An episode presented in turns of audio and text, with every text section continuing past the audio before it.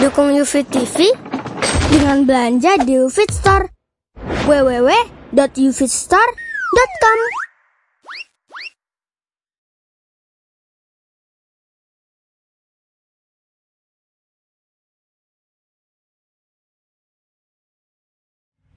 Assalamualaikum warahmatullahi wabarakatuh.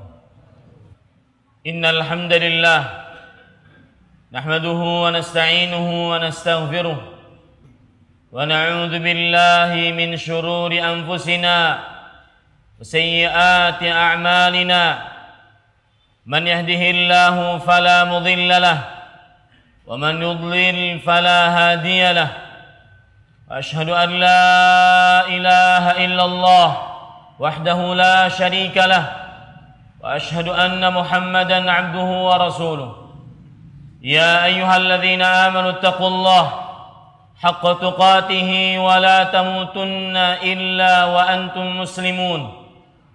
يا أيها الناس اتقوا ربكم الذي خلقكم من نفس واحدة وخلق منها زوجها وبث منهما رجالا كثيرا ونساء واتقوا الله الذي تساءلون به والأرحام ان الله كان عليكم رقيبا. يا ايها الذين امنوا اتقوا الله وقولوا قولا سديدا. يصلح لكم اعمالكم ويغفر لكم ذنوبكم. ومن يطع الله ورسوله فقد فاز فوزا عظيما. اما بعد فان اصدق الحديث كتاب الله. وأحسن الهدي هدي محمد صلى الله عليه وعلى آله وسلم. وشر الأمور محدثاتها وكل محدثة بدعة وكل بدعة ضلالة وكل ضلالة في النار.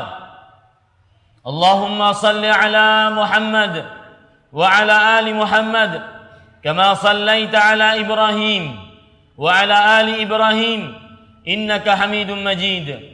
وبارك على محمد وعلى ال محمد كما باركت على إبراهيم وعلى ال إبراهيم انك حميد مجيد ايها المسلمون اوصيكم ونفسي بتقوى الله faqad fazal muttaqun wahai kaum muslimin khatib mewasiatkan kepada diri khatib dan seluruh kaum muslimin agar bertakwa kepada Allah Subhanahu wa taala Sungguh hanya orang-orang yang bertakwa adalah orang-orang yang beruntung di dunia dan di akhirat. Qala Allah Ta'ala fil Qur'anil Karim Qul abillah wa ayatihi wa rasulihi kuntum tastahzi'un. Qad kafartum ba'da la ta'tadiru. Qad kafartum ba'da imanikum. Katakanlah wahai Muhammad sallallahu alaihi wa alihi wasallam Apakah dengan Allah dengan ayat-ayat Allah dan dengan rasulnya kalian mengolok-ngolok tidak ada alasan bagi kalian pada hari ini Sungguh kalian telah kafir disebabkan dengan perbuatan kalian setelah keimanan kalian. Ayyuhal muslimun rahimanillah wa iyyakum. Wahai kaum muslimin yang semoga selalu dirahmati oleh Allah Subhanahu wa taala. Rasulullah sallallahu alaihi wasallam telah memperingatkan akan bahaya lisan yaitu di dalam hadis riwayat Imam Bukhari innal abda la yatakallamu bi kalimah la yulqi laha balan yahwi biha fi nari jahannam sesungguhnya seseorang benar-benar mengucapkan sebuah ucapan yang tidak yang dia tidak peduli atas ucapan tersebut. Dia masa bodoh dengan ucapannya. Padahal ucapan tersebut adalah berat. Maka akhirnya dengan ucapan tersebut memasukkannya ke dalam neraka jahanam. Termasuk orang-orang yang meremehkan ucapan adalah orang-orang yang mengolok-olok agama, orang-orang yang menghina agama. Makanya di dalam surah At-Taubah yang khatib bacakan di awal tadi, ayat 65 sampai 66. Qul abillah wa ayatihi wa rasulihi kuntum tastahzi'un la ta'tadhiru qad kafartum ba'da imanikum. Katakan wahai Muhammad sallallahu alaihi wa alihi wasallam kepada orang-orang yang mengolok-olok agama, orang-orang yang menghina syiar-syiar agama. Apakah dengan Allah, dengan ayat-ayat Allah, dengan Rasulullah kalian mengolok-olok? Tidak ada maaf bagi kalian. Tidak ada alasan bagi kalian. Sungguh kalian telah kafir setelah keimanan kalian akibat apa yang kalian olok-olokkan terhadap agama Allah. Ayat ini turun disebabkan sebuah cerita. Itu diriwayatkan oleh Ibnu Jarir At-Tabari di dalam kitab tafsirnya. Dari Abdullah bin Umar radhiyallahu anhuma ketika peperangan Tabuk ada seorang munafik berkata, "Ma ra'aina mithla qurra'ina haula'i arghaba butunan wa akjaba wa akdzaba alsunan wa ajbana 'inda liqa. Kita tidak pernah melihat orang-orang seperti ahli bacaan Al-Qur'an di tengah-tengah kita. Maksudnya adalah Nabi dan para sahabatnya radhiyallahu anhum. Mereka adalah orang-orang yang paling banyak makannya, perutnya buncit dan paling banyak dustanya di dalam lisannya dan paling pengecut ketika bertemu dengan musuh. Maka seorang sahabat ketika mendengar tersebut berkata kepada orang munafik ini, "Kadzabta walakinnaka munafiq." Sa'ukhbiru dzalika an ila Rasulillah sallallahu alaihi wasallam. Sungguh engkau telah berdusta. Engkau adalah orang munafik. Perkataanmu aku akan sampaikan kepada Rasulullah sallallahu alaihi wasallam.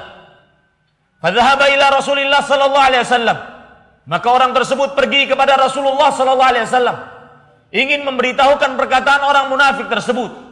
Fawajadal Quran qad nazala ala Rasulillah sallallahu alaihi wasallam. Ternyata Al-Quran sudah turun kepada Rasulullah sallallahu alaihi wasallam memberitahukan perkataan orang munafik tersebut. Kata Abdullah bin Umar radhiyallahu anhu, maka aku melihat orang munafik tersebut menarik tali pelana onta Rasulullah sallallahu alaihi wasallam meminta maaf atas perkataannya. Dia mengatakan, "Innama kunna nakhudu wa nal'ab." Kita hanya bercanda dan bergurau wahai Rasulullah. Maka Rasulullah sallallahu alaihi wasallam mengatakan, "Qul abillah wa ayatihi wa rasulihi kuntum tastahzi'un la ta'tadhiru qad kafartum ba'da imanikum." Katakanlah wahai Muhammad sallallahu alaihi wasallam, apakah apakah dengan ayat Allah, dengan Allah, dengan rasulnya kalian mengolok-olok? Tidak ada maaf bagi kalian. Sungguh kalian telah kafir setelah keimanan kalian atas apa yang kalian olok-olokkan. Imam Ibnu Qudamah rahimahullahu taala berkata sebagaimana disebutkan di dalam kitab beliau Al-Mughni, "Man sabballaha faqad kafar, sawa'un kana mazihan aw jaddan." Wa kadzalika man istahza'a billah wa ayatihi wa rasulihi wa kitabih. Barang siapa yang menghina Allah, maka sungguh dia telah kafir. Sungguh dia telah kafir baik itu dengan bercanda ataupun dengan sungguh-sungguhan. Begitu pula siapa yang mengolok tentang Allah, tentang ayat-ayat Allah, tentang Rasulullah, tentang kitab Allah, maka dia adalah orang-orang yang kafir. Wahai kaum muslimin rahimanillah wa iyyakum. Bagaimana orang dikatakan bisa menghina agama Allah? Maka menghina Allah di antaranya dengan menghina nama-nama Allah, menghina kekuasaan Allah, menghina peribadatan kepada Allah Subhanahu wa taala. Bagaimana orang dikatakan bisa menghina Rasulullah? Menghina kedudukan Rasulullah sallallahu alaihi wasallam, merendahkan Rasulullah sallallahu alaihi wasallam, mengolok-olok keluarga istri Nabi Muhammad sallallahu alaihi wasallam. Bagaimana dikatakan menghina syiar-syiar agama Islam, menghina tata cara sholat, seperti yang terjadi di zaman sekarang. Banyak sekali orang-orang menghina tata cara sholat, dijadikan sebagai candaan, dijadikan sebagai olok-olok, dijadikan sebagai alat untuk bermain-main, maka dikhawatirkan orang-orang tersebut masuk ke dalam ayat yang disebutkan oleh Allah Subhanahu wa taala tadi. Baik dia dalam keadaan bercanda ataupun dalam keadaan benaran. Wahai kaum muslimin, kita harus paham betul bahwasanya apabila seseorang menghina apa pun yang ada di dalam agama Islam, mengolok-olok baik dengan lisannya, baik dengan kelakuannya, bahkan dengan isyaratnya, maka berdasarkan ayat tadi berarti pertama dia telah mengikuti kebiasaan orang-orang munafik. Munafik yang bukan hanya sekedar munafik kecil, munafik yang besar yang diancam oleh Rasulullah oleh Allah Subhanahu wa taala. Innal munafiqin fi darkil asfali minan nar. Sesungguhnya orang-orang munafik di dalam tempat yang paling dalam dalam neraka. Jangan sampai menghina. Karena Allah Subhanahu wa taala di dalam ayat tadi telah menegaskan barang siapa yang menghina maka sungguh dia telah kafir. Baik dalam keadaan sungguhan menghina dan mengolok-oloknya ataupun bercanda. Di dalam acara televisi lawak-lawakan dihina simbol-simbol agama maka hati-hati harus diketahui Allah telah berfirman faqad kafartum ba'da imanikum sungguh telah kalian kafir setelah keimanan kalian. Tidak ada alasan, tidak ada maaf, tidak ada kata saya hanya bercanda, saya tidak beneran, tidak ada. Di dalam urusan agama tidak boleh diolok-olok. Dan kita harus paham betul, wahai kaum muslimin, apabila terdapat larangan di dalam agama Islam, di antaranya larangan mengolok-olok agama, kemudian dilanggar, pasti mendatangkan keburukan di dunia sebelum akhirat. Ayuhal muslimun, khatib ingin menyebutkan beberapa kisah tentang bagaimana disegerakannya hukuman siksa bagi orang yang mengolok-olok agama Allah Subhanahu wa taala. Di antaranya hadis riwayat Imam Muslim. Ada yang diriwayatkan oleh Imam Abu oleh Abu Hurairah radhiyallahu anhu. Ada seorang yang makan di depan Rasulullah sallallahu alaihi wasallam dengan tangan kiri. Kemudian Rasulullah sallallahu alaihi wasallam bersabda kepadanya, "Qul bi yaminik, wahai fulan, makanlah dengan tangan kananmu." Maka orang ini dengan sombongnya mengatakan, "Lastata'tu." Aku tidak sanggup. Maka Rasulullah sallallahu alaihi wasallam mengatakan, "Lastata'ta fama rafa'ahu illa min kibr." Sungguh kamu tidak akan bisa makan sama sekali dengan kedua tanganmu. Kamu tidak mau makan dengan tangan kanan kecuali hanya karena kesombonganmu. Maka di akhir hadis disebutkan oleh Abu Hurairah radhiyallahu anhu, "Fama rafa'ahu ila fi." Benar terjadi ternyata. Hadis sahih riwayat Imam Muslim. Benar terjadi ternyata bahwa orang tersebut gara-gara tidak taat mengolok-olok hadis Rasul sallallahu alaihi wasallam di hadapan Rasulullah sallallahu alaihi wasallam. Dia tidak bisa mengangkat satu suap nasi pun ke dalam mulutnya, walau dengan tangan kirinya, walau dengan tangan kanannya ataupun kedua-duanya. Di dalam hadis yang lain yang diriwayatkan oleh Imam Bukhari dari Abu Hurairah radhiyallahu anhu, beliau berkata, "Naha Rasulullah sallallahu alaihi wasallam an yushraba min fi siqa." Nabi Muhammad Sallallahu Alaihi Wasallam melarang kita untuk minum dari mulut teko. Ini kebiasaan sebagian orang. Mulut teko yang besar, dia langsung minum. Tanpa gelas. Ini juga termasuk di dalamnya. Minum dari botol-botol yang langsung diminum dari mulutnya.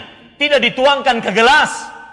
Maka di dalam hadis riwayat Imam Ahmad, Ayyub Ibn Abi Tamimah As-Sikhtiyani, seorang ulama Islam abad kedua Hijriyah, meninggal pada tahun 136 Hijriyah. Beliau mengatakan, "Fa'umbitu anna rajulan syariba min fi siqa fa hayyah." Maka aku diberitahu bahwa ada orang yang menyelisihi, dengan mengolok-olok sunnah ini.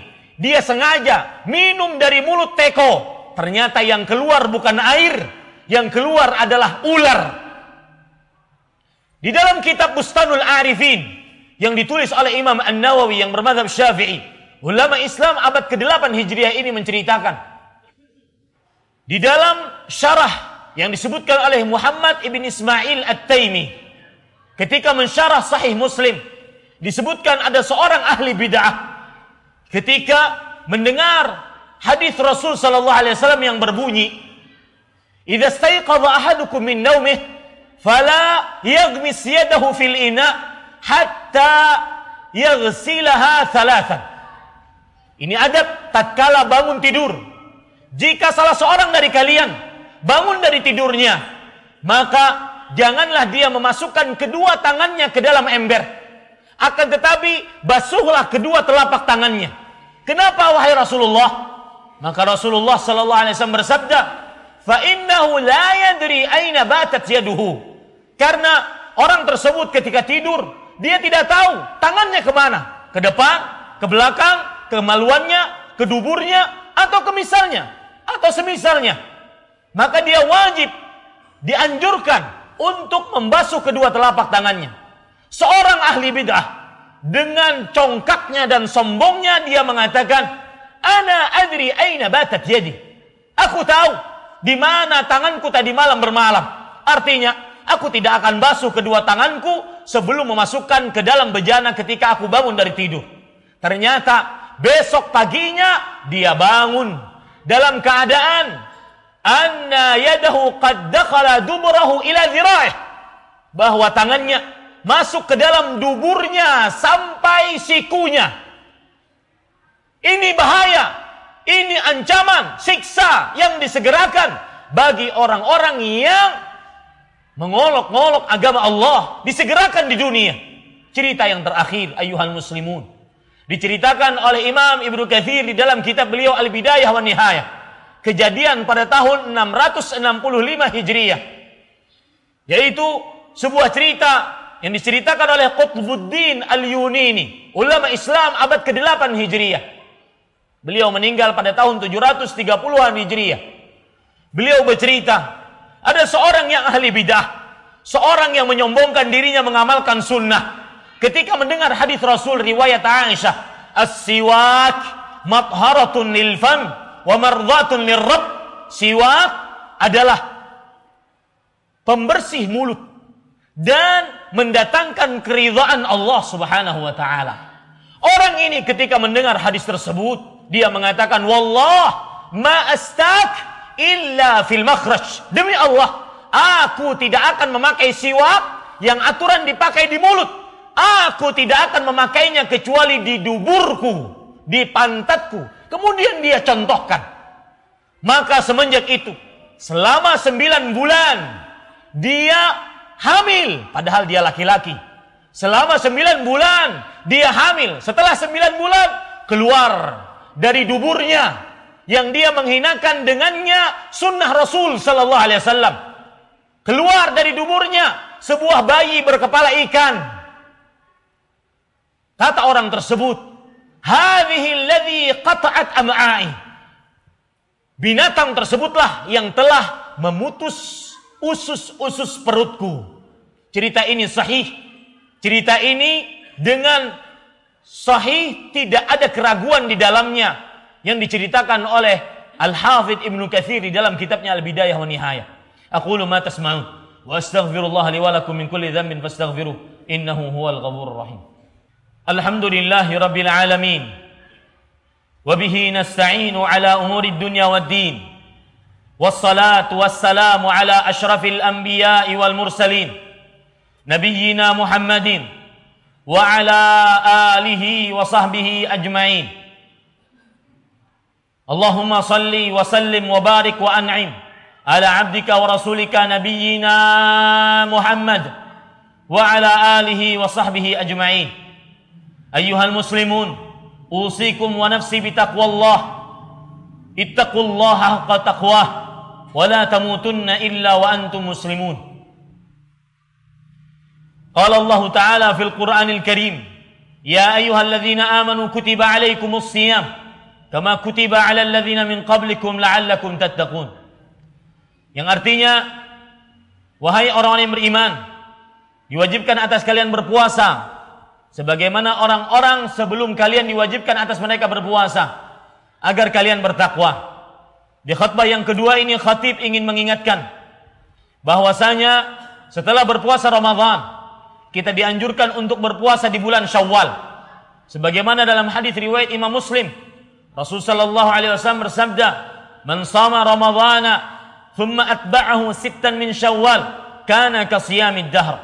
Barang siapa yang berpuasa pada bulan Ramadan, kemudian dia ikutkan puasa tersebut enam hari di bulan Syawal, maka seakan-akan dia berpuasa selama sebulan setahunan penuh. Karena satu hari puasa diganjar dengan 10 hari. Ketika 30 hari Ramadan atau 29 hari Ramadan kita berpuasa, maka seperti kita berpuasa 300 hari atau 290 hari ditambah dengan 6 hari di bulan Syawal, maka menjadi 60 hari ditambah dengan 300 menjadi 360 hari satu tahun. Ini adalah keindahan dari agama Islam, beramal sedikit akan tetapi berpahala besar. Maka bagi siapa saja dari kaum muslimin yang telah menunaikan puasa Ramadannya, hendaknya dia berpuasa enam hari di bulan Syawal. Rasulullah Shallallahu Alaihi Wasallam menyatakan sitan min Syawal, enam hari di bulan Syawal. Ini menunjukkan bahwasanya berpuasa di bulan Syawal kapan saja, entah itu di awal bulan, di pertengahan bulan, di akhir bulan. Sitan min Syawal juga menunjukkan bahwasanya berpuasa di hari di bulan Syawal bagaimanapun hendaknya dia berpuasa. Apakah berurutan? Apakah berselang-seling? Ataukah disamakan dengan puasa Senin dan Kamis?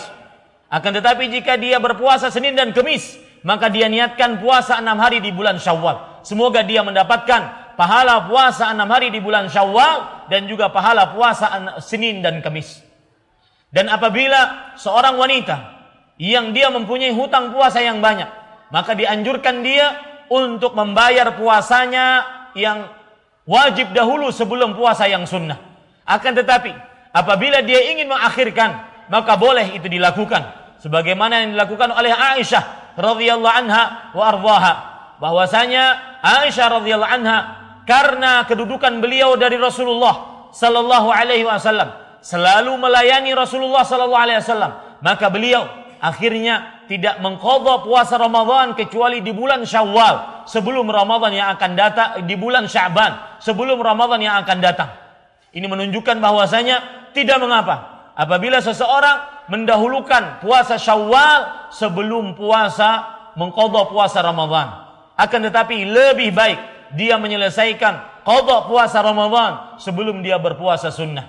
Karena sudah menjadi ilmu di tengah kaum muslimin bahwa yang wajib didahulukan sebelum yang sunnah. Inna Allah wa malaikatahu yusalluna ala nabi. يا أيها الذين آمنوا صلوا عليه وسلموا تسليما.